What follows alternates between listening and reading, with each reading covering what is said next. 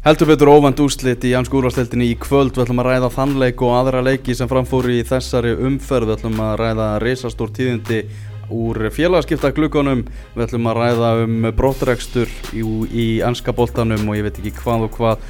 Elvar Geir Magnússon heiti ég með mér Daniel Geir Moritz. Og með okkur í kvöld einn allra umdeldasti bladamaður landsins Benedikt Bóas Hinriksson. Mm.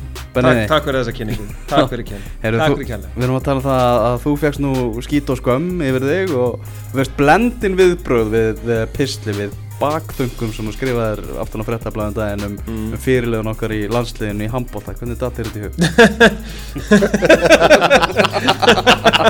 Það vant að eða bara fáviti Já, uh, þetta var bara eitthvað sem mér fannst að þetta sviftan bandinu og uh, ég sé ekki þetta því þó að einhverjir hafi séu ósámála því og það er bara gott Er ekki réttið mér að næsti pistið sem þú ætlar að skrifa uh verðum víkt í þessi fimmboðadóttur þar sem maður ætlar að haka hana í þig. Það sem ég lætu aða bara. Það sem maður lætu aða Þú verður að taka svona okkur heilugustu ták mm, Nei, ég veit ekki alveg ég held að ég sé komin í bakfanga frí. Já, og það? Í smá stund allavega Þetta lítur nú samt að svona rifi lesturinn að þessu. Það lítur eiginlega að vera ég, ég, ég gæti ekki betur séð en að ég, ég var hérna ég var með skilaboð frá ansi mörgum svona sem voru að benda mér á ummæli sko Facebook síðu Devaf í Devaf á Vísi á Facebook síðu Vísi og Já. eitthvað svona. Og, og svo var alltaf verið að senda mér einhver tíst og eitthvað. Ég þarf ekki að sjá þetta ég, ég hef aldrei skilið það eitthvað Virkir í aðtöðarsendum voru ofvirkir í aðtöðarsendum Já þeir voru það og, og Ég þeir... sendi þér samt enga skilabóð Ég bakkaði, bakkaði þau Já það var, ótti, það var góðu brandari Já, liðlega, finnir maður. Eh, Hvað sagði það? Í, ég sagði bara, eitthvað, hvað er að frétta í, í, í miðju sínubruna Já, já. það var, eh, það var gott. Það er stundum uh, Stundum er alveg samt alveg pínu erfitt að hafa þjóðina basically sko á bakinu. Sko. ég til dæmis, ég lagði ekki einn í sund, ég var að reyna að dobla elvar með mér í sund af því ég þorði ekki einn. Og ég þorði þess að ekki með honum í sund. Af því að veri heitapotti umræðunar í heitapottinum er oft uh, já, svona heitar, heitar. Elina, ég, já, og hérna og ég áttaði mig á því að trúlega er þetta uh, tala, það er því rætt um þennan pistil í heitapottinum. Þannig að uh, Við elvar fórum bara ekkert í sund. En náður þú því að fá morðhótun? Nei, ég á, á það ekki sko, en æ, æ, það voru nokkru sem vildi láta reka mig. Já, en ég er nefnilega fengið morðhótun Þú sko. náttúrulega átt uh, sko, en þú férst náttúrulega heil, heilt félag á þig. Já, já, já. Það var Hvernig er, þú veist eins og núna, nú ætlum við að fjalla á eftir um Liverpool. Ert þú vanhæfur í því Nei, nei, nei, nei. Er orðið of langt síðan? Það er margir búin að taka Daniel í sátt og þá er Daniel sjálfur núna að grafa þetta upp á yfirborðið aftur. Já, þetta upp já, já, já, Það eru mistökana, við skulum bara ekki ræða þetta. Nei, nei, við erum að byrja þáttinn. Jú.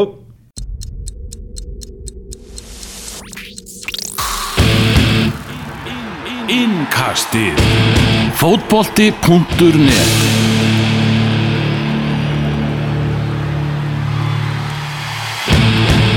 Herruðu, það voru reysatíðindi úr, úr félagaskiptaglugganum í dag, eitthvað sem að Lárendar ansi lengi fyrir í, í, í loftinu, það eru hreinskipti á Alexis Sanchez og Henrik Mkhitaryan milli Arsenal og, og Manchester United. Ástæðan fyrir því að þetta tók svona langa tíma var það að Manchester United þurfti að kjálna Alexis Sanchez á píjánum. hann er... Frábær kynni. Hann er búin að, búin að læra á píjánu núna og, og það var hægt að kynna hann til leiks. Mm. Uh, þú sem Arsenal stjórnismæður þannig að þú líst þér yfir á Twitter þetta mm -hmm. þú væri bara skrampis áttu við þetta. Já, þú veist. Úr því sem komið var. já, akkurat, ég ah. held að þetta sé bara bestamál ég meina, ef eitthvað félag hefði sínt Mkhitaryan áhuga mm. og alltaf eitthvað að fara svona að kaupa hann, hvað hefði það kostað? Hefði það ekki kostað eitthvað upp að hefði það félag alltaf að kaupa hann? Já sem bara ég var, var að fyrst tala um sitt ég myndi borga 20 miljónum punta var, var ekki einhverja 60 miljónum bara í nei ég er að tala um ef eitthvað fél alltaf að kaupa Mkhitaryan já, já. hvað hefði hann kostað? hann hefði kostað 45 bara gilva præs er það ekki? Já, hannig Já, ég segi það, þú veist, að fá þá þannig verðmættan leikmann þegar Sanchez á ekki meira eftir að samninginu sínu, sko. Það er svolítið minn punktur í þessu, sko, þannig að þetta verður náttúrulega bara áhugavert, ég meina, það En voru, að missa betri leikmann já, eh, meðast skemmtilega upprýðin á, á hérna, netmeilum í dag, það sem að hérna, Jose Mourinho losaði sig við Slatan til þess að fá E2 og, og 35 miljónir punta. ah. hann vann síðan þrefald þú veist ég er ekki að segja þetta að Arsenal sé eitthvað að fara í eitthvað svoleiða skilur en þá eru þá skipti það sem að e, í raun og verið liði sem að var að tapa fyrirfram endaði uppi skælbrósandi sko Ah. þannig að ég veit ekki, býðum bara og sjáum ég uh, ég held að margir Arsenal stuðnismin hafa orðinir svona leiðir að sjá hvernig viðmóti hjá Sanchez var á þessu tímambili og sér bara svona feignir að þetta sé búið að því að þetta var svona þetta brott hvar var, var óumflýjanlegt sko. þannig að það er eiginlega bara svona léttir að það sé búið sko. Smá krútlegt að Makaterian hjælt með Arsenal í æsku. Já, Adúluleg það er dúlulegt sko og hérna viðtal sem er ekki svona lengra síðan eitthvað 2009 þar sem hann er eitthvað að tala um að langi að spila hjá Wenger og Arsenal og eitthvað svona. Þannig að það er reyndar vissi það er í nýju ár síðan 2009 Hvað er það að segja? það er svona fáralegt þannig að, jú, jú, auðvitað það Ég gubbaði smá upp í mig. já, þetta er ótrúlega skrítið sko. En hvað er Manchester United að fá í Alexis Sanchez? Hraða á mörg ég Og vona svona- náttúrulega bara að ég sé að fá trójuhest Já, já. það er náttúrulega geggjað. 500 pund á viku bara fyrir ekkert. Er hann að fá 500 úrspund? Það er að tvennum sögum sem fyrir aðeins Það getur ekki Það eru við sögum sem segja það að hann sé að fá bara sama, sama launaflokki og Paul Pogba uh, Svo er sem er umulegt, nei. Aha, Svo Mirror að halda þið fram að það séu tæp 500.000 pund á viku Já. sem eru 70 miljónir íslenska króna sem er mikill penningur bara sexfaldur lotto hverjum einasta lögati Ah. ég hef búin að spila í lotto í sko 12 ára og ég hef fengið þrjári í þetta þannig að Einmitt. mm, þú veist, já já e, Manchester United hefur náttúrulega klálega efna á þessu þannig að e, e, skiptir þá nei. máli þannig e, en ég held bara að þetta sé ekki rétt 500 úst, ég ætla að henda þið fram. Sé, hann, er, hann er að fá 250 hann er að fá helmingin ah, En- En hann fær náttúrulega- hann fær náttúrulega klálega einhvern, einhvern svona signing on fee, er það ekki? jú, jú, Jú, og svo er 13 milljónir Raiola. en sko hann náttúrulega Makaterian náttúrulega með Raiola. Já, en ef við förum að því hvað hérna, leikmaðurinn er að fara að gefa liðinu og svona þá setur maður samt líka spurningamerki sko eh, sá sem er búin að vera hvað bestur núna eftir jól hjá mannstir er það ekki Martial? Hann er allavega búin að vera svona stíga svolítið upp og skoraði hérna glæsaðut mark um helgina og þeir spila og svo náttúrulega Jólastjartan Jesse Lingard. Já, á, hann það verður svona kannski pínulítið hægst á honum en hann verður alveg að skila sínu sko. Og, og hérna uh, Sanchez og Martial vilja náttúrulega báðir vera út í vinstra megin. Það er svona þeirra uppáhaldstaða það er, það er 100% að þeir mun ekki spila hana báðir í einu. Þannig að En Sanchez getur náttúrulega að spila alla sóknarstöðunar Já og Martial í raun og veru líka held, held ég sko. Þannig að uh, það er náttúrulega mjög spennandi að sjá Sanchez þá úti hægra megin. Þar hefur hann mata verið sem að maður hefur svona fengið á tilfinninguna að sé oft svona síðasti maður á blað í byrjunalið maðurstjórnum Já, ég held að séu vestu fréttinnar fyrir Mata að Sanchez sem ættur og líka Mourinho eh, hefur nú eh, svona ekkert alltaf verið mikill mata maður. Þannig að ég held að hann sé nú kannski sá sem að fagna þessu minnst. Og þá má náttúrulega líka spyrja sig menna Rashford hefur náttúrulega líka verið að fá stundum leiki þar. Þannig að ég veit það ekki en auðvitað er þetta ef þetta gengur upp og, og bara allir hessir þá er þetta náttúrulega geggja þetta er náttúrulega geggjaði leikmaður. En þá var náttúrulega strax byrjaður eitthvað að fréttir að því að núna var í Pogba farin að tala um að hann vildi fara að fá hærri laun. Já, Já, nú fara náttúrulega að- breski fjölmiðlar á fullt að reyna að grafa undan mannsturinn þitt, sko. Já, já, og bara eðlilega þetta er hann ætla að fá svona svindlkall þannig fyrir Já, fyrir gaur sem að var ekki mikið í byrjunleginu eða eitthvað þannig, þá færðum gaur sem að gera tilkall til þess að vera uh, bara fyrst í sóknarmar og blað, sko. en þetta er rosalega steikt þú veist, ef maður hugsar út í það bara allt einu bara Arsenal og Manchester United bara skipta á sléttu á leikmönnum Já, virka, eina, eitt sem að fer Þetta er- pínu er að töðan á gerast mér oft, sko. Nei, eitt sem fer pínu töðan á mér mér veist eins og sko, það vantar meiri drama í Móra og Wenger að þeir séu að skjóta hvern annan og eitthvað þannig þetta er allt gert einhvern veginn bara með svona samþyggi og, Mhm. og bara, já við erum að fá Mikka og Mikki er bara frábær og hann hefur alltið brunns að bera og Móri bara, já Sanchez er bara geggjaður Skot og, Vengar hafa líka bara beinst að Sanchez já, Þú veist að akkurat eitthvað, já. hann sé bara að fara í penningana í Manchesterborg og eitthvað svona sko. Mhm. Ég ætla ekki að útiloka það áður en það kemur helgi kemur einhver sleggja frá Jose Mourinho í þessu eh, samhengi sko.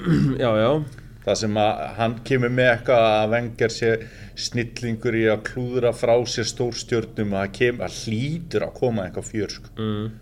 annars, annars væri bara mikil vombri Það er alltaf svona, svona, líka svona leynileg sko, held að það verið um helgin að, að Mike Dean var að dæma hann að Burnley Já, sigurinn. og Mourinho hrósa honum í hástert eftir leik, það var alveg frábær dómari Já. og bara alveg frábær framist að hann og teimið hans og eitthvað.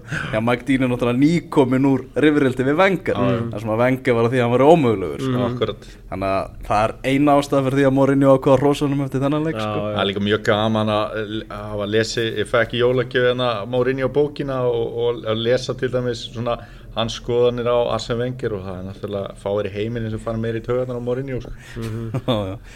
það að Sérstaklega ef að Sanchez náttúrulega kannski byrjar vel og skorar þrjú eða fjögur eða eitthvað og slæri gegn og er strax eitthvað svona, þú veist, byrjar að borga tilbaka og þá þá lætur Mourinho vaða Já, ég held það. En hvernig er það? Þú veist, mega þeir báðir spila í Evrópakeppnum núna? Já. Af því að, þú veist, það skarast ekkert eitthvað, þú veist, nei. Þannig að Henrik Mkhitaryan sem var náttúrulega frábær fyrir Manchester United í Evrópadeildina síðast tímanbili og eins og Mourinho sagði bara í dag þar sem hans verður alltaf minnst fyrir hlutverk hans í, í Evrópadeildasigrinum hann er bara jafnvel að fara að vinna Evrópadeildina annaður í röðum með Arsenal. Og Alexis Sanchez hann er bara löglegur í, í fyrsta leik í Champions League í 16 úrslutum Það er eitthvað rosalegt, sko. Já, en, en fyrsti leikurinn hans er, verður vandalega á föstu daginn á móti Jóvil. Já, í, í FA Cup. Þar sem að já, Alexis Sanchez sagði það hann var að ganga til liðs við stærsta lið félag Englands. Mhm. og hann er að fara að keppa á móti Jóvil sem er að ströggla í sko lík 2 D-dildin enn sko, sko.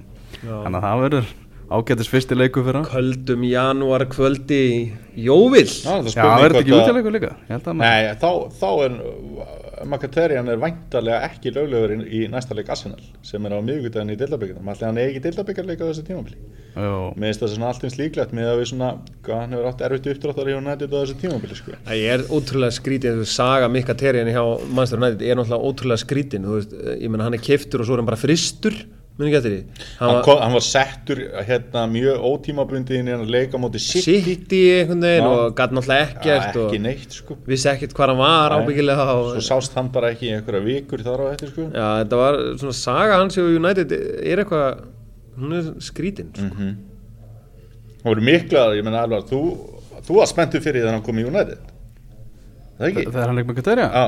Já, já Já, Ég var ekkert alveg að, ég er spenntari núna fyrir, fyrir Sanchez heldur en ég var þegar. Mkhitaryan kom Já. sko.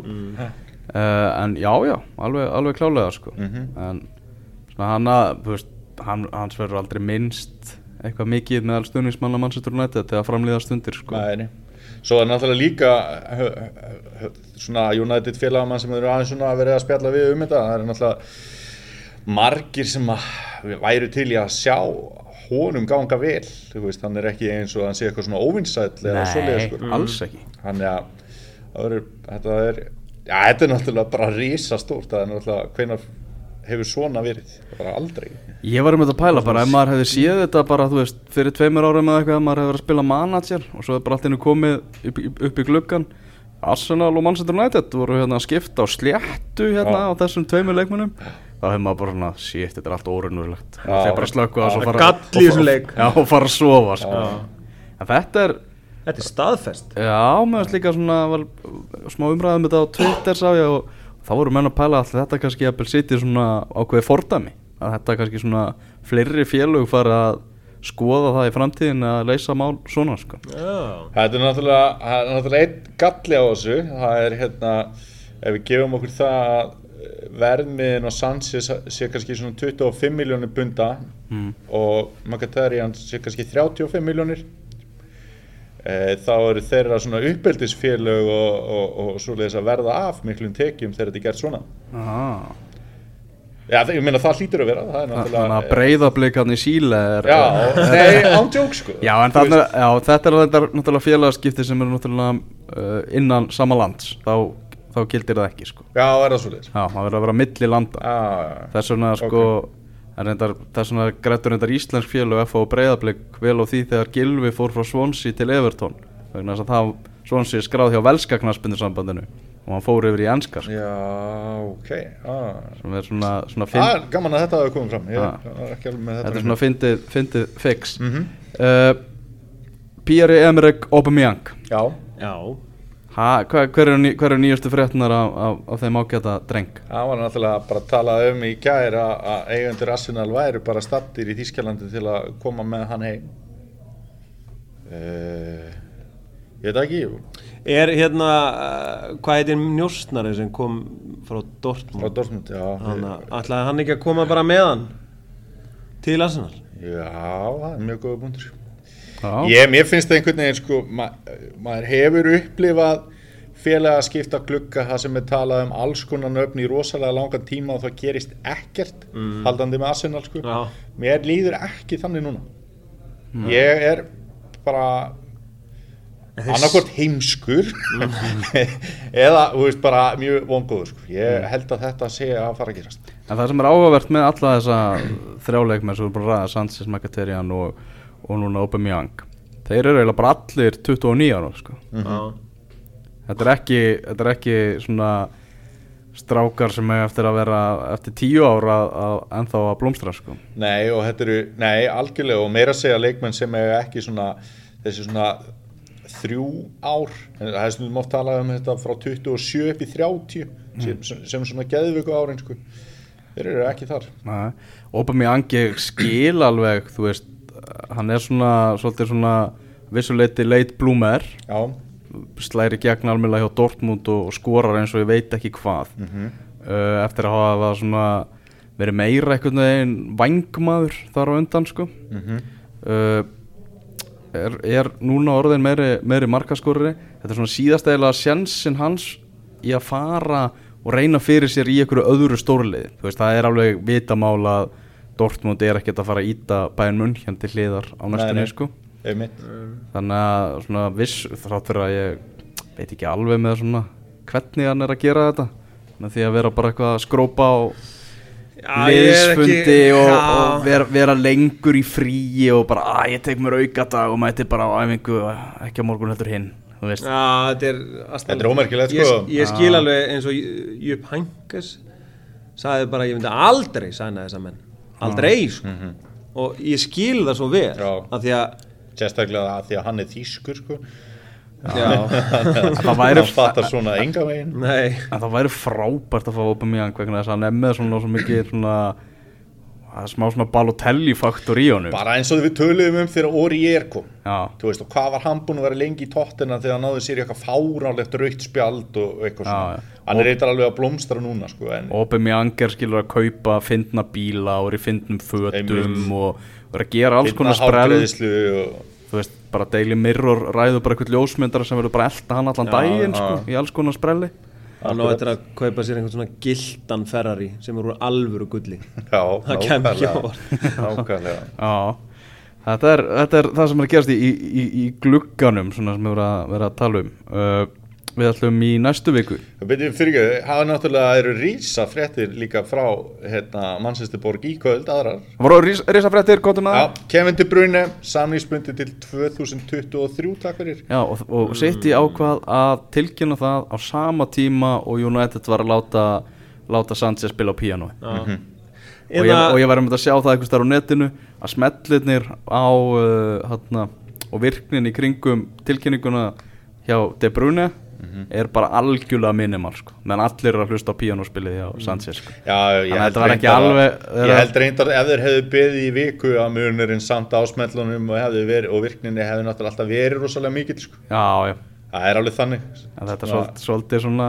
er náttúrulega vel gert hjá sitt ég var bara búin að klára þetta mál. Þetta er eitthvað sem að Arsenal hefur ekki gert með sína líkilmenn Þannig að Það hefur verið minnu það. En við, en við ætlum í næstu viku í einnkastinu þá ætlum við að vera uh, á miðvíkudarskvöldi vegna þess að það er lokun gluggans 31. Já, þannig að við ætlum að vera með glugga einkast í næstu viku og þá munum við fara yfir. Svona allt það helsta sem við bara gæst í þessu glugga og, og, og vonandi verðum við með einhver brjótandi tíðindi. Já, uh, Liverpool Swansea sem framfór í kvöld. Já. Uh, ég trú ekki að Jinx. Nei, ekki heldur. En við fengum svolítið eftir síðasta einkast þá fengum við uh, frá hrættum Liverpool-stjórnismönnum sem heyrðu okkar umræði Já, það sem að við eiginlega nefndum ekkert að ræða mikið um hennar leik því að við heldum að þetta er aftur 5-0 fyrir Liverpool. Mhm, eins og fór síðast þegar liðin mættust. Og menn voru að tala um það að við höfum bara jinxað þetta vel í síðasta einkasti mhm. Ég sagði að það væri nú engin hætt á því en það væri svonsi með það lélegt lið að, að Liverpool væri nú alltaf að fara að klára þetta. Eftir að hafa unnið Manchester City í síðustu umferð Já. tapar Liverpool í Wales fyrir svonsi Já, það gerðist. Já, þú veist það var 93. mynd og klukkun og ég var ekki ennþá svona að þetta getur ekki gerst. Þá reynda að koma Firmino. Já, fyrir Já, að- Roberto Firmino? Svona, svona að segja þetta, ég Já. nokkuð vissu það sko. Mhm, ég er sammála. Já, hann á hann hann skallaði í, í stöngina og svo hann hvað það boltinn hann út á Já, Lalana. Lallana, já. sem náði ekki að svona leggja fyrir sig. Já, það var rosalegt sko. Það var margi lögupúl stundismenn sem voru eiginlega bara byrjaðar að fagna sko. Já, því að Fabianski stóð bara að horfa á boltan lenda já, í já, stönginni hann var ekkert að gera þarna sko. hann var búin að játa sér sigraðan. Mhm. En Liverpool döpur framist að hjá þeim tapa fyrir neðsta liði dildarinnar og svona ég segi kannski ekki þessi sigur á móti sitt að við strókast út en svona alltaf því E- eiginlega Já. eitt sem ég tók eftir núna sko, það er nú það- þetta er náttúrulega leðileg umræða en saknaði Liverpool Coutinho í dag uh, leif mér að hugsa, já, Já. því að förstu leikatriðin hjá þeim, ég er bara að tala um það Mhm. það hérna, hann Mo Sala já, tók eitt hot undir á, á 8000 og hvað sé svona 4, 50, 70 eitthvað hannig tók eitt hot hann dundraði bara í gaurinn sem stóð nýju metra frá. Hann, hann, þú veist, hann dreif ekki yfir hann. Og fekk hann reyndar aftur og laði hann eitthvað út og úr varði eitthvað svona sprelli svo já. sko, Coutinho var með þetta upp á tíu. Og ef að, að Liverpool hefur mist þetta það er að segja bara hotn, auka spynnur og eitthvað svona bollocks allt sem að, hérna, þessi Já, já. þá er ansi margt farið sko. að þau út komið með loksins Virgil van Dijk sko, sem Já, er já, náttúrulega akkurat. stærsti knaspindum held ég í var heim nálægt að skora því fyrir hálfleik líka að en Van Dijk síndi það nú í, í, í þessu leika hann á nú eftir aðeins að smyrjast betur í þetta lögupúlið í aðdraðanda marksins leit hann ekki vel út nei, nei. það að hann ge- geta komið í veg eða svona reynsaði burtu oftar en eins og nefn Já, eh, með Coutinho við klárum það aðeins sko, hann, hérna, þeir saknaði hans ekki í þessum leik hvað föstu leikadriðin var þar fannst mér, heldur þá var þetta svona akkurat leikurinn þar sem hann hefði getað að skora mark fyrir utan teik svona í þessu spili. Þeir voru ekkert að skjóta, voru alltaf einhvern veginn í þessu sama sem þeir eru náttúrulega ótrúlega oft geggjaður í og það var ekkert að ganga sko. Og Alfie Mofsson var bara þarna eins og John Terry sko. Skoraði sigur mark og bara það var mjög góður í þessu leik ég sko. myndi aldrei, ef ég væri hann en fagnaðalætin já, Já, byrju, það er hann- guð minn almáttu þau voru geggið sko. ha? Fernandes? Fernandes er hérna að faðma Alfie Mofsson bara á geggja hjá þau vinnur kemur ekki Jordan Ajur hlaupandi stekkur upp á bakið á honum og Fernandes skallar Mofsson með þeim afleggingum að nefnbrottar hann bara Ajú bara hrindir honum þannig að þeir dundra hausunni saman og svo er hann bara á hlýðalínunni bara næstu mínútur þar sem að verða að skoða bara nefið henni sem var brútt á hlýð Já, þetta er besta fax í en séð sko. En ef ég væri Mósson, ég væri ennþá út á velli að klappa fyrir einhverjum árendum og Já, bara njóta það stundarinnar örugglega líka, og- sko. Já, já, bíla. En þú veist, í alvörinni þessi hann mun ekki skora fleiri svona mörg skilvi einhver svona mörg sem að tryggja þeim þrjú stig á móti Liverpool. Já, um að gera nefn- ég bara henda þið fram, ég held ekki. og ég myndi njóta stundarinnar í bótt Annað tímabilið er Leopold að tapa fyrir Swansea. Já. Það er alveg, alveg, alveg magnað. Uh, Hversu margir hafa sagt í kvöld eftir hennar leik Vá hvað þetta er típist Leopold bara, bara allir held ég. Já. já. Því, skuldum við kók Já. Það er einhvern veginn svona tvekja litra Já, Það er oft svona þessir leikir sem eru svona Það eru ennþá klúðuslegra heldur en, heldur en annað sko. algjörlega og Liverpool var jú, jú, þessi skallið þarna hjá fyrir mínu en Liverpool voru bara bítlusir í þessu leik voru bara lélir í svona leik já, já og þetta er svona alltaf því besta lið Liverpool sem þeir stilla upp í þessum leik líka mm. það er ekki mikið sem að vantar. Nei, er þeir eru með hérna, reyndar, þá hefur maður viljað sjá annan hægri bakur því mér finnst Joe Gomez ekki að hafa komið vel út í hægri bakurinnum þannig að Alexander Arnold ég hefði viljað sjá hann frekar.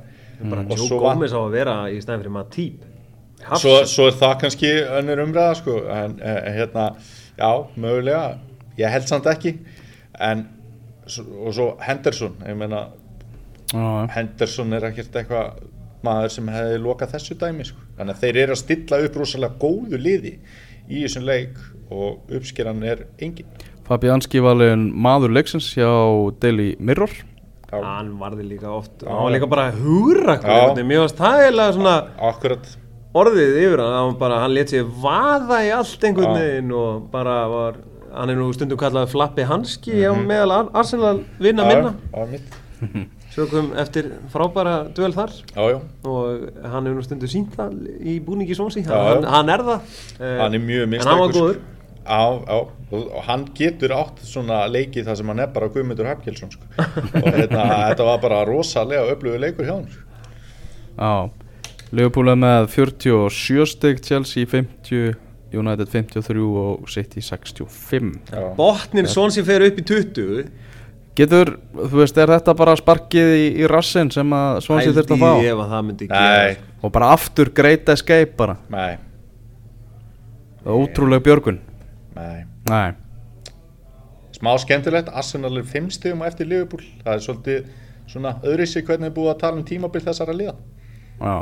Þetta er satt fimm, er fimmsti það var eitthvað tónn í þessu þessu hjá þér.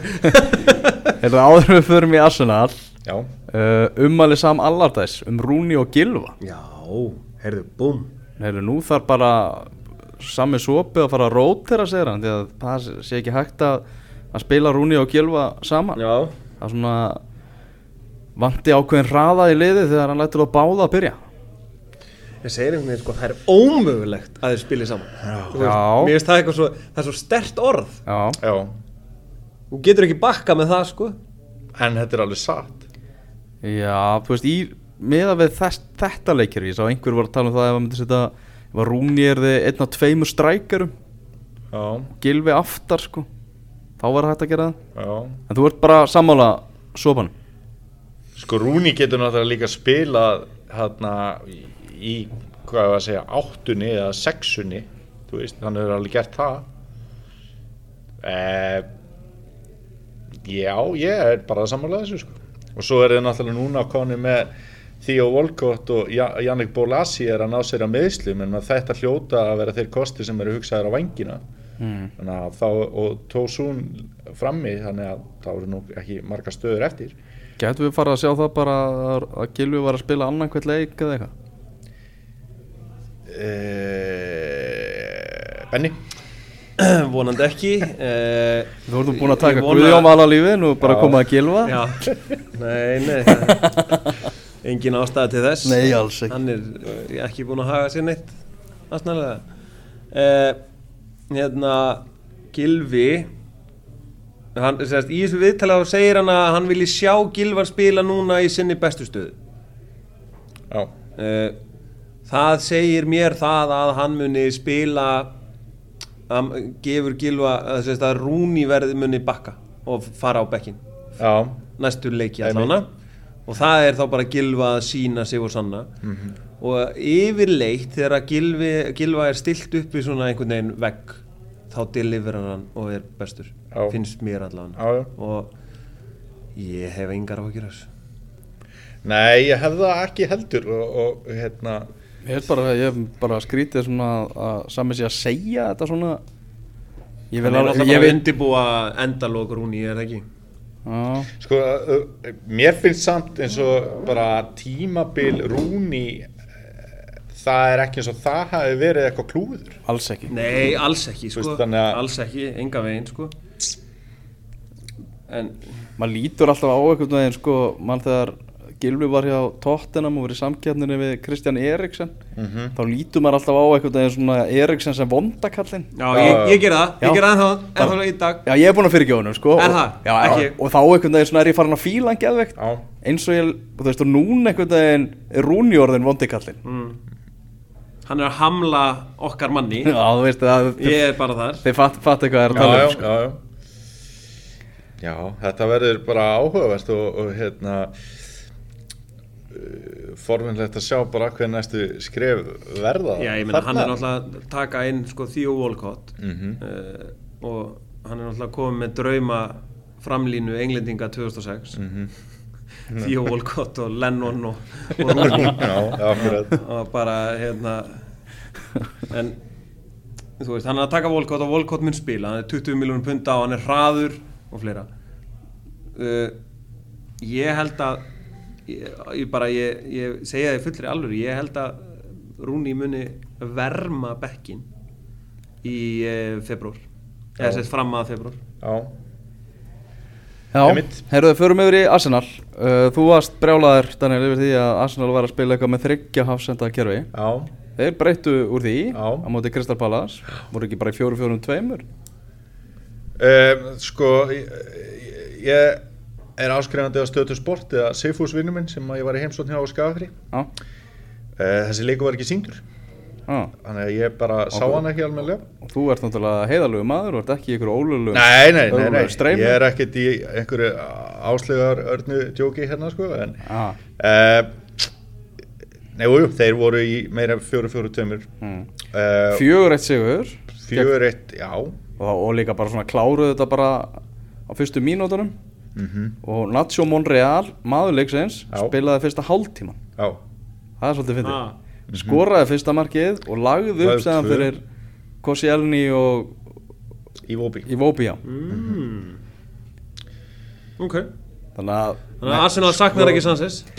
Hann var ekki með. Já, Sko það sem að er mikið verið talað um hérna eh, eftir þennan leik er hraðin í sóknarleik Arsenal eh, þessar fyrstu mínútur. Já, og þarna voru svona eh, leikmenn að sína áræðinni og Sanchez leiðist það ekkert að taka boltana eins og, og, og klappunum þannig að menn voru bara svona já, nú er ekkert verið að klappunum og eitthvað. Og, og mér er að tala um hvað Ösil hafi verið áræðin sko. hann getur nú heldur betur klappa líka þó hann sé góður í hraðaspilinu þegar ságallin er á hann þannig að þetta verður náttúrulega bara forðunilegt en við skulum samt að róa okkur að þetta voru heima á elli á móti Krista Palas ein, ein spurning uh, að því að uh, í, í svona einhverna kerfi og annað sem að maður er að gefa skilu þá, þá gefur ekki gæja einhvern ef að hann kemur inn á 80. myndu eða mann ekki alveg hvernar já menna, með, með svona 20 mínútur hann var að spila 20 mínútur. Já, uh,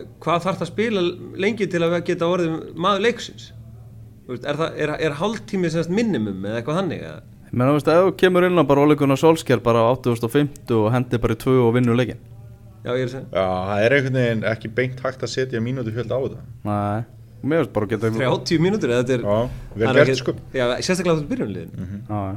Þegar varamæður getur orðið alveg maður leiksins kannski síðustu 20 Já, já, já, 15. akkurat, já, já, Já, já. En Byrja fyrstu- Já, Þetta er mjög sérstæð spila fyrsta hálftíman var að maður leiksins það er, er, er nokkuð gott sko. uh, Benteke er með eitt mark í 1500 mínútum í deildinni á þessu tímafili Já. Það er rosalega lélegt. Já, það er rétt. Hann var bara einhvern veginn, slói gegnandi á Aston Villa. That's about it. Er það ekki? Við viljum meira. Já, Já. sko, ég man eftir hérna þegar Hjörvar haflega síndi í messunni yfir þegar Gaur frá Nýja Sjálandi kom til Crystal Palace, hann var dreymt um það bara frá því að hann var 30 ára eitthvað og var núna 65 eitthvað og var að taka í höndu Crystal Palace komst að þessu og var að bjóða honum svona alls konar. Já, og byrtu svo mynd á honum við það sem var að helsa Christian Benteke. Og Benteke var með hérna eða svona earpods hana, í eiranu horfði ekki á hann og tók í höndin á hann svona eins og Ólaf Ragnar. Skilur við svona svona Já, handaband svona, já, þess að Gaurið var að fljúa ringin í krigum hnöttin og hann var í bóði félagsins og eitthvað svona. Ég held að þetta sé bara einhver algjör skítapjösi inn í klefa. Alveg saman með alla aðra en sjálfa sig. Og því óskaði Já. honum Þú ert ekki á vagninu ég er alls ekki á vagnum Æ, Ég veit það ekki, sko. þetta er náttúrulega leikmaður sem hefur skorað alls konar mörg Það er bara rosalega langt síðan Það er þannig. Þegar Manchester United fór og vann 1-0 úti sigur á móti Burnley og það er bara ansi gott að, að heimsækja þeirra heimavöll og sækja þrjú stig. Já, Antoni Martial eh, skoraði bara fyrsta skoti í United á Ramman í, í þeim leik. Já. Og svolítið áhugavert Fór að mér þess að íraman náður en að fór í neti Já, áhugavert að þarna Mourinho sagði fyrir helgi að Luke Shaw var besti vinstri bakur heims. Já, en hann sagði það að hann sæi ekki marga vinstri bakur í, í, í boltanum í dag sem væri bara betur en hann. Já, Það er Luke Shaw búin að standa sig feikilega vel. Já.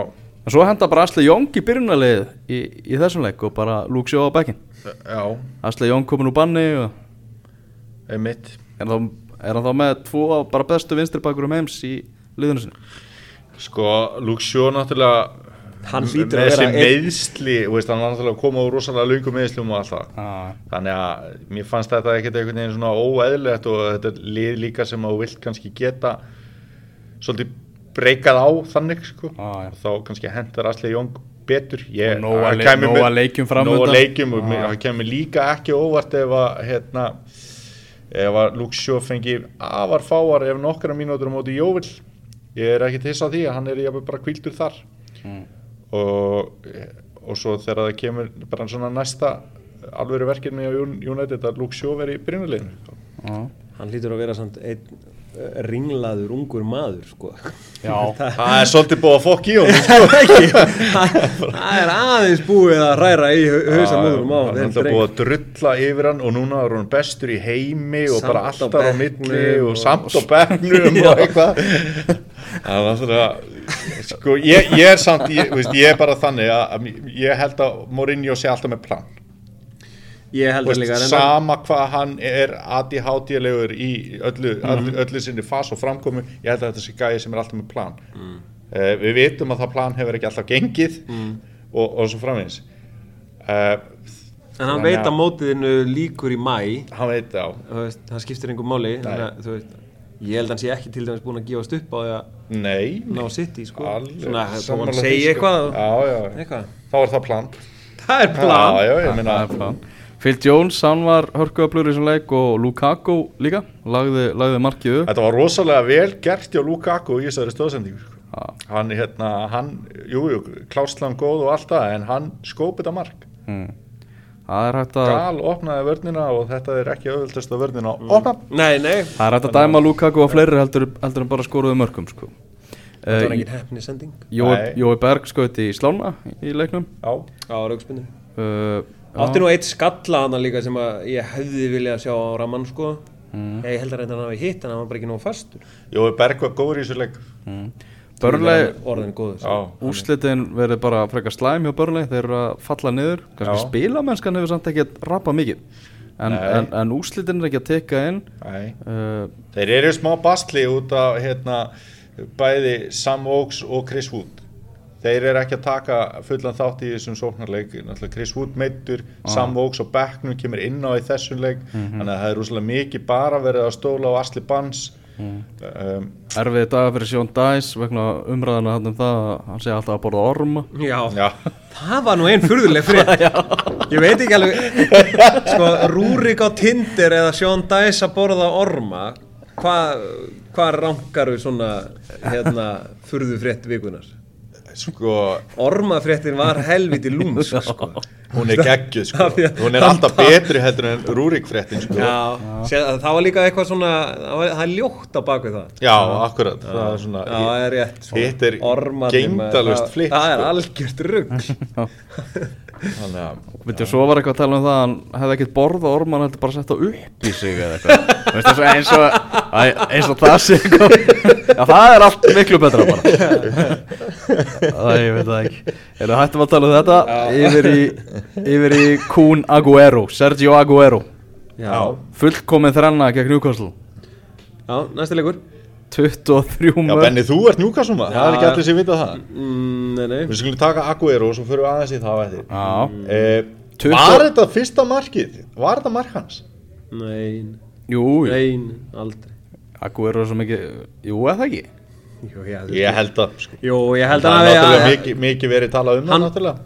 Já, hann fagnaði allavega. Mm, hann er komið 23 mörg á tímabilinu. Þetta er 5. tímabili í röð sem hann skilar yfir 20 mörgum og hann er búinn að skora 14 mörg í 12 leikjum gegn Newcastle. Hann skorar alltaf Já, skora, hann, hann er óþólandi á móti njú 14 mörg í 12 leikjum. Já, það er rosalegt sko. Mm. Tiltrið þessa leiks átti síðan Líró Sani Þegar hann Vá. reyf lít raskat á allt njúkasuliði áður en hann laði boltan á Aguero sem skoraði. Getum við farið aftur síðan í Arsenal umræðina ég, ég vissi ekki að væri svona ljót orð, mætti nota svona ljót orð? En Það var rosalegt. Það var að Það var gegja sko. sko. hann fekk boltan á miðjunni Já, og af stað. Já, og þessi kloppi bara þú veist að ég man eftir hérna það var eitthvað verið að tala um af hverju hérna Gundogan fengi að taka boltan á kassan á móti Liverpool munið þið, inn í tegi já, eitthvað já. hvernig getur sko Lýra og Sani bara kloppa menn á sko einum fermeter þú veist, það, það, þetta var ótrúlega já, maður hefur bara sjaldan séð svona reyfingar með hann á tánum allan tíman Mm. Það var ekkert smáflót sko. Guardiola vissi alveg hvað hann var að gera þar náttúrulega að fá þennan strák sko. Já, já, ég er gríðalegur Sani maður já, Já. ég er samanlega Mhm. ég, ég er með því sko.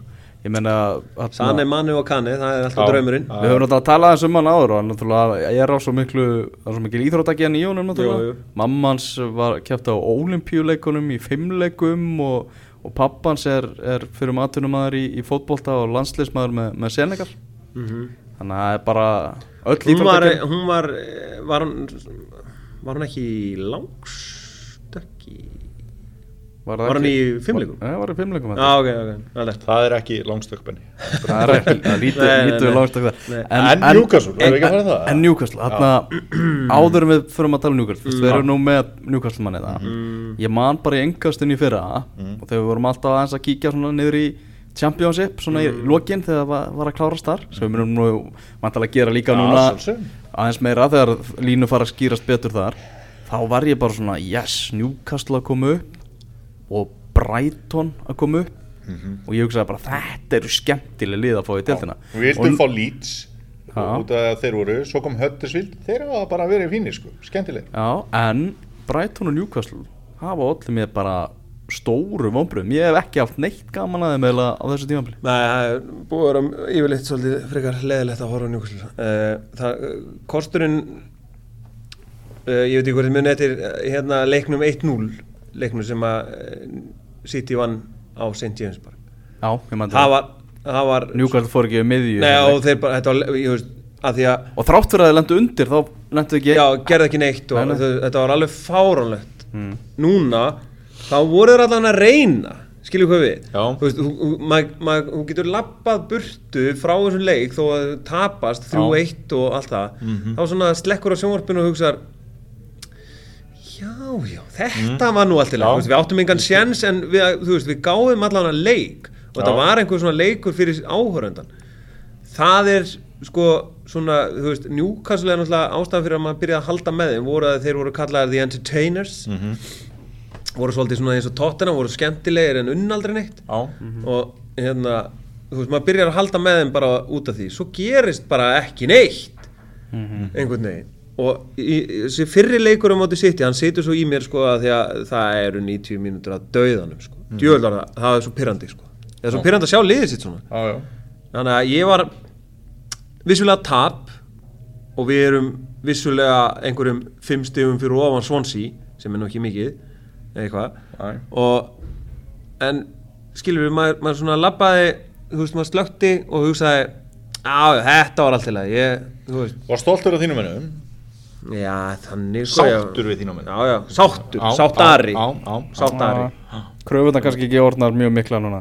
Nei, með að hvað það hefur verið upp á síðkasti uh, En við skoruðum fallið eftir mark. Hann hérna, Jacob Murphy, skoraði geggja mark. Já, mjög vel gert. Það er einhvern veginn uh, stungusending og Ederson kom út og hann bara einhvern veginn að því að ég Tók sá svona- að Eður Smári skoraði svona Já, mark þetta fyrir var Barcelona. alveg þetta var heila mjög líkt Já, sko. alveg rétt Amanda vinkun okkar sem ætlaði að kaupa Newcastle hún, er árið ljóst að það er ekkert að fara að gera alveg strax.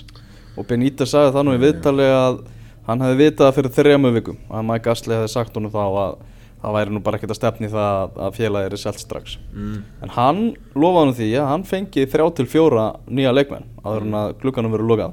Þannig að við höfum eftir að ræða Newcastle eitthvað í næstu viku. Já, vonandi. Já, minna ef ekki verið staðið við lofurðið þá munum við líka ræða Já, já, já. Það er. Góð punktur, góð punktur Það er náttúrulega sko Benítez verður að vera hann áfram sko. Já. Það er bara það er svo nöðsilegt fyrir félagið. Mhm. og náttúrulega nöðsilegt að losna við Asli að slegin sko. Og þetta eins og þetta blasir fyrir eða, semst, eh, horfir fyrir mér að þá er það þannig að að Asli vill fá að sjá hvað er í bóði í næsta sjónvarsamning Já. Hvort að þegar Facebook kaupir þetta? Já, Facebook og Amazon og eitthvað svona Já. er að kaupa þetta, eða bjóði þetta. Þá sér hann í rauninni, heyrðu, ok þú veist, ég er að selja þetta kompanið á, á 300 miljónum punta skilju, en heyrðu, hold the phone, sko, það er hérna það er sjónvarsamningur að koma við, ég hækka verðið upp í, upp í þú veist, 400 Hvað heyrði ég um daginn? Ef, var Facebook að ráða eitthvað nýjan starfsmann? Var að ráða eitthvað gaur sem er búin að vera þú veist, að kaupa inn hjá Eurosport eða eitthvað líka já, ok, bara, og það er þetta bara skýr dæmi um það að þeir ætla að gera alla leið til að reyna að fá sjómansréttin á ennsku úrvarsleitri bara live á Facebook. Bara þú skráði henn á Facebook og þá kemur bara bing! Newcastle Brighton er í beinni núna á Facebook. Hvað allir þeir sem að voru með MySpace sé að hugsa núna? hvernig gáttu við klúrað Já, þessu? þeir klúruðu málunum maður. Þetta var framtíð. Vá. En ég meina það, það verður að þjónusta Rafa Benítez já, algjörlega. Og ef maður spáir þá líka í það jú, jú, ok, nýjir sjónvarsamningar og eitthvað bla bla bla. Hei, ef að hann er með championship lið mm, það er ekki saman sögulegur hann kallar minn nei, nei. Þannig að þrýr, fjóri leikmenn núna það er bara nöðsilegt sko. ah. Já, hann verður að, já, ég myndi segja hann, hann þarf náttúrulega í rauninni kannski tíu leikmenn. Mm. Chelsea gerði ekki jafntefli. Chelsea vann Brighton 4-0 já, það er kannski ekki óvænt að Eden Hazard var maðurleiksins Mhm. uh, ræðum þennan leik ekkert frekar áhugaverða tilhörni Chelsea til að fá sóknamann guðminn Já, það var bara eins og Antonio Conte hafi sagt bara við Abramovic bara, heyrðu, ég vil fá stóran sóknamann Mhm. þú mátt bara ráða hver það er, hann bara hans er stór og síðan bara komu alls konar fyndinöfn. Mhm. og ég hlustaði nú á, á annað podcast hérna um daginn þar sem að var að tala um sko Andy Carroll dæmið hjá þeim. já, uh, og þá voru þeir eitthvað að grína sko alltaf kannski að var í Peter Crouch næst? Og svo hlóður svo kom bara fréttaðin eftir bara nánast um það að Peter Crouch var orðaðar við, við Chelsea. uh, Eden Dzeko, það verður svona eitthvað að vera að gerast í því. Það er eitthvað að hræra staðar já. uh, Carroll er út, út af borðinu. Út af hverju er það? Jú, meittur hann er meittur Jammarinn Andy Carroll. Ef að væri hann ekki komið til Chelsea ef hann væri ekki meittur ég held að ég held það líka. Og hann er vist alveg bara miður sín. Já, yfir þessum meðslum sem er að gera verkum hann er ekki að fara til Chelsea. Já skiljanlega maður. Já, en svo eru náttúrulega aðra kenningar um það að Karol sé alltaf að miðast aftur og aftur vegna þess að hann er ekki að hugsa um sig. Já, já. bara þegar hann er mittur þá er hann bara veist þá er hann bara upp í sofa Já, hann er, ekki, hann er ekki að doing the work. Já, og þegar, að- þegar maður eins og Craig Bellamy segir að einhver sé ekki með hausinn rétt skrúaðan á. Það, Þegar- það er skemmtilegt. þegar Karol var sænar í Liverpool það sumar var unbelievable vegna þess að hann var bara í hérna, slúðublöðunum viku eftir viku ferðast um Evróp og alls konar tónlistarháttíðir og alltaf mynda hann bara með bjór og eitthvað. Þú veist, þú ert að fara í Liverpool sko. Já, já. Þú veist, hann var ekkert að mynda honum eitthvað Karol að gera sér kláran Það er svo sannarlega að vera öflugur.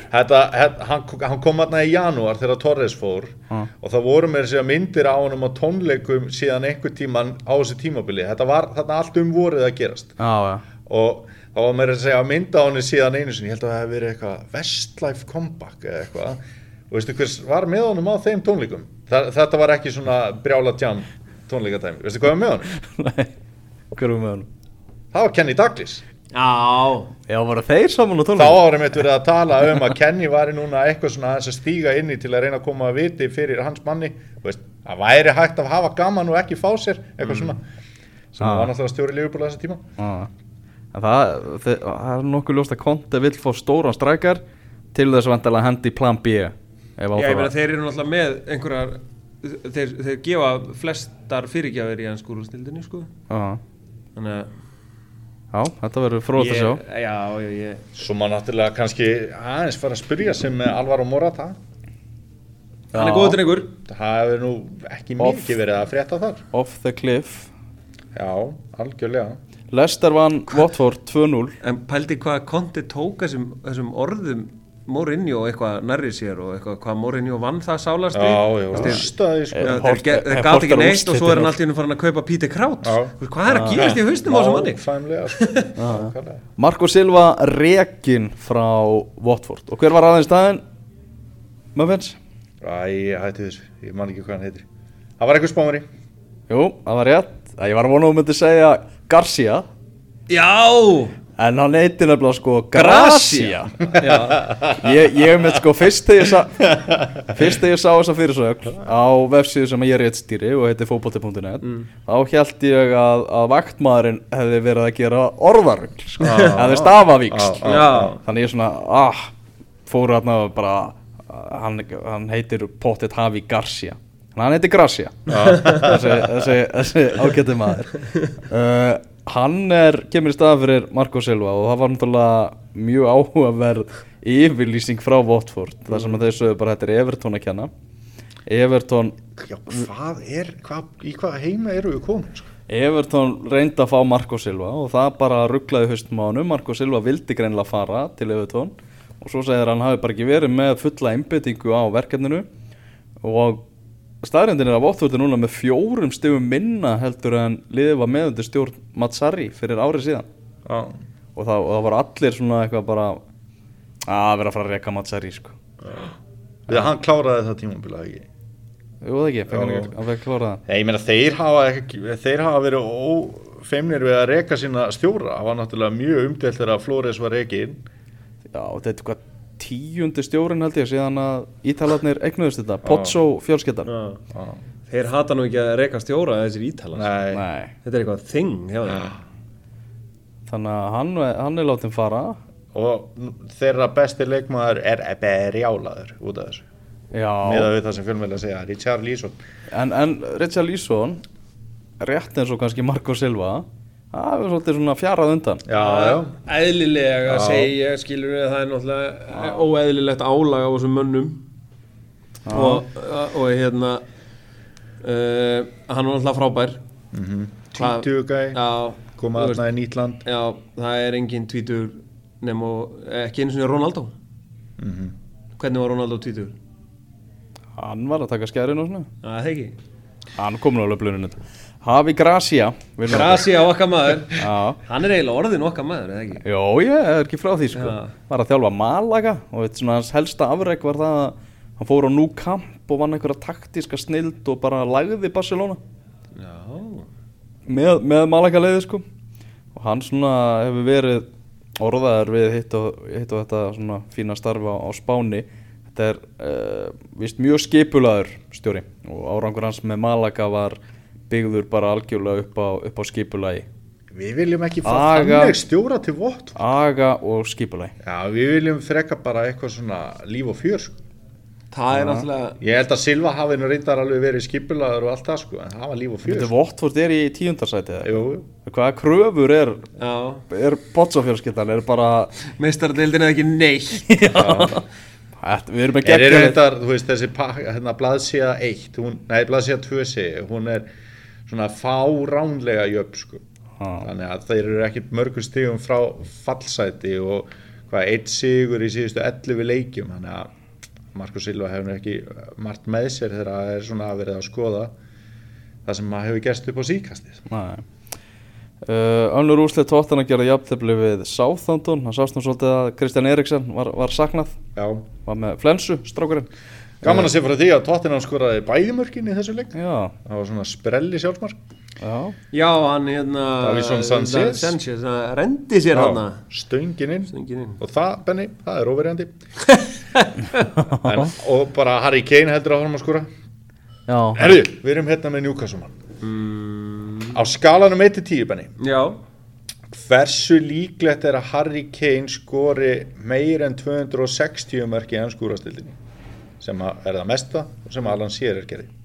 Uh, mm, engin. Bara 0 Null uh, Það er náttúrulega uh, Jú, gefðu svona einn. Einn. Það er- Ok. það er- það er prósent. Ég gef þessu prósent. Það er ekki mikið. Nei. Já, já, uh, Vissulega er hann já einn af er- hundra bara. Já. Ok, Er ekki hérna er ekki, er, hann, er, hann er komið 100 mörg eða ekki? Nei, hann er komið 99 mörg Já, hann er komið 90, já, hann er komið 99 hann, uh. Mm. hann er komið 99 mörg og hann er hvað, 24 já, Já, svo fer hann til Real Madrid í sumar. Já.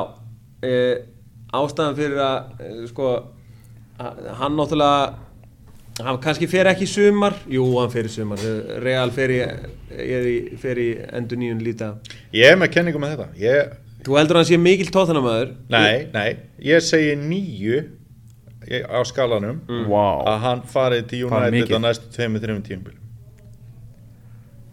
mér svo fyndi eitthvað, þú veist, það Ég var svona svo- vissum þetta vegna þess að, þú veist, það er engin umræð um þetta Það væri geggjað samt. Kannski er ég að jinxa þetta. Heyrðu, Pól Lambert maður, heyrðu, Stók vann 2-0 sigur á móti Huddersfield. Við skulum sitta á reglu í engast en við tölum aldrei lengi um Pól Lambert. Æ, En vel gert hjá Pól Lambert, góð byrjun. frábælega gert í honum. Paul Lambert er óskiljanlegasti maður í heimi Nú, Punktur. bara hvernig hann talar það Já, Já, ok. hann er skoti. Já. og hann segir ekki einu sinni sko það var stundum erfitt að hlusta á Sör Alex það er erfiðar að hlusta Paul Lambert. Ég mæli með að allir fara á YouTube og hlusti á eitt viðtal með Paul Lambert áður en að þessu þegar þessu podcast er loki Já.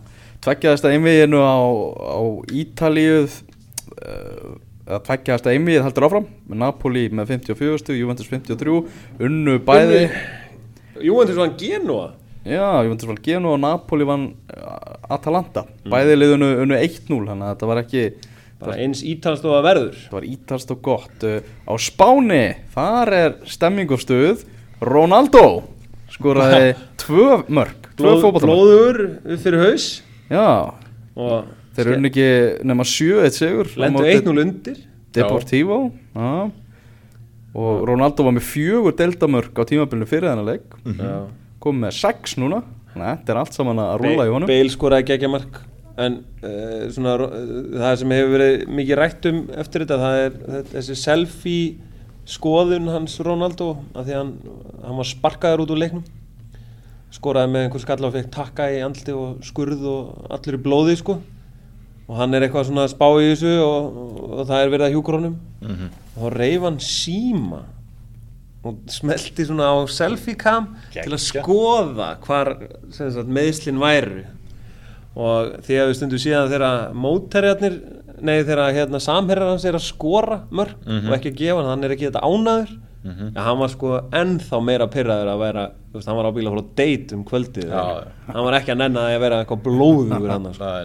Er en auðvitað Ronaldo þegar hann ætlar að taka fyrirsakirnar þá var bara Messi líka störla góður. Já, á frábær í, Og í, meina- í 5-0 sigri á Betis. Og þessi mörkja þetta er, er þetta ekki sjötta og sjöunda markri að Madrid í leiknum? Vist, þetta er eitthvað svona sem skipti Já. yngu máli sem að tekur svona glansin að því að hann skori tvö mörk og Já, með og eitthvað svona kompakt, utan var líka var hann að sína smá svona attitút þegar aðri voru að skora og Já. sást á honum að maður pyrraður að hann var er- ekki að skora. Það má eiginlega segja að Ronaldo hafi skorað tvö mörk á vondum degi svona í sínum lífi bara. Það er, nei alvöru, þú veist. við getum verið að setja það það, það var áhugaverðar fréttir aðna um, um, um, sem bárust um skoðanakönnun sem held í AS gerði, er það ekki? Um bara viltu sjá Ronaldo fara? Sem er náttúrulega svona uh, svolítið slúðrið að, að Ronaldo fari til PSG og Neymar komið til Real. Já. og það voru 67% sem sögðu já ég vil sjá hann fara. Mér finnst það svolítið hátt hlut ég held kannski að það er því svona 40 sem vildu fa, fá hann burt. Já, ég meina hann er fyrir allt það sem hann hefur gert fyrir þetta félag og allt það já, já, já. þá var hann allt í hennum bara, þú veist, þetta er svo ótrúlegar kröfur hjá Real sko. Já, já. ég það er bara, what meina have you done for me lately það á hvergi meira við enn í Real Madrid sko. Meina Ronaldo hefur að lendi alveg þó nokkur leikjum þar sem er bara baulað á hann af eigin stuðnismennum Já. sko. Er og, og, og það sem þessi gaur hefur afrekað hjá þessu liði og já, þetta er magnað. Besti leikmaður er örugglega bara í sögu liðsins. Góðar og skemmtilega fréttir frá Hollandi. Albert Guðmundsson. Já, hann spilaði meistarflóksleik spilaði, já, spilaði með aðaliðinu og lagði upp sigumarkið Já, og náttúrulega þeir eru búin að selja sóknamann já. Þannig að það er Þetta var frábælega lagt upp í hann já, virkilega virkilegt 2018 hjá þessum gutta sko. Þú veist, ég þjálfaði hann sko í sjöndaflokki Já, sést er það ekki? Jú. lengi býra fyrstu gerð sko. Já, já og hérna Hvað, ég vali? já, já já.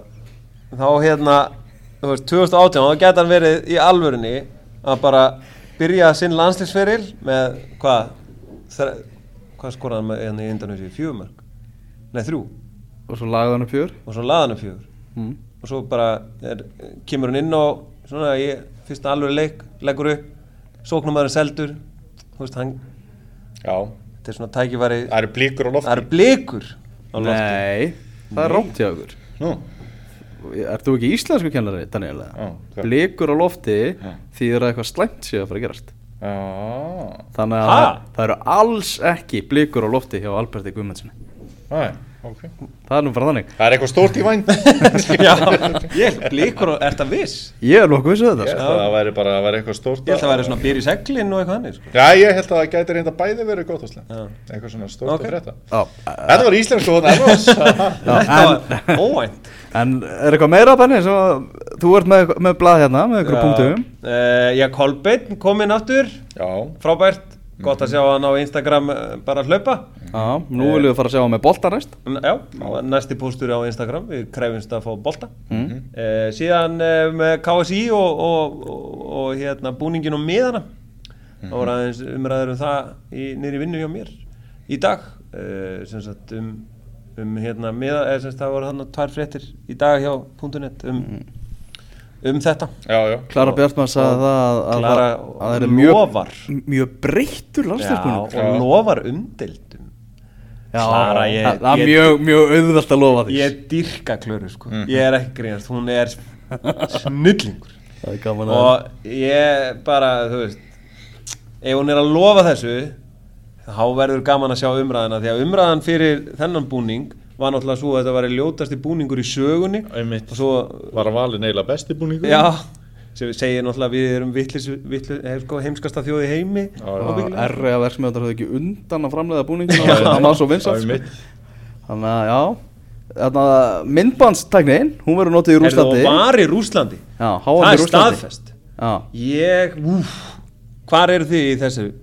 Ég er nefnilegast ekki alveg samfærður ég, er- ég sko er Ég svolítið sveiplast ég er svolítið, já ég gera Já, þetta ég líka að það er náttúrulega að gera það náttúrulega allir en- Það sem ég hef náttúrulega mest talað um er það að mér finnst ekki nægilega sko, skýrt og mér finnst ekki nægilega þróað Já. til þess að vera að fara að nota þetta á stórmóti vegna þess að bara einhvern veginn svona sumi dómarar vilja nota þetta ótt og títt aðrir ekki og veit ekki alveg í hver, þú veist, hvenar á að nota þetta. Mm. þannig að ok, það er ennþá þó nokkuð margi mánuður í, í HM ef að menn ná að, að fínpúsa þetta þá skal ég gútið þetta. Sko, Það var eitt náttúrulega bara, þú veist, það var notað núna hjá Chelsea um daginn Þarna í, í byggarnir Þar, þar voru afleitar ákvarðanir Raut og raut og, og víti og víti Já, og ég meina eins og þegar Viljan sérstaklega fekk guldspjald þarna fyrir leikaraskap og eitthvað, það var aldrei leikaraskapur og miklu nærði að vera víti heldur en og samt var það að skoða sko, þannig að Líka það, sko, þegar að eh, bara því að nú er, höfum við allir verið að og margir eða hvort að það var ekki skoðað og það var allt vitlust eða, já,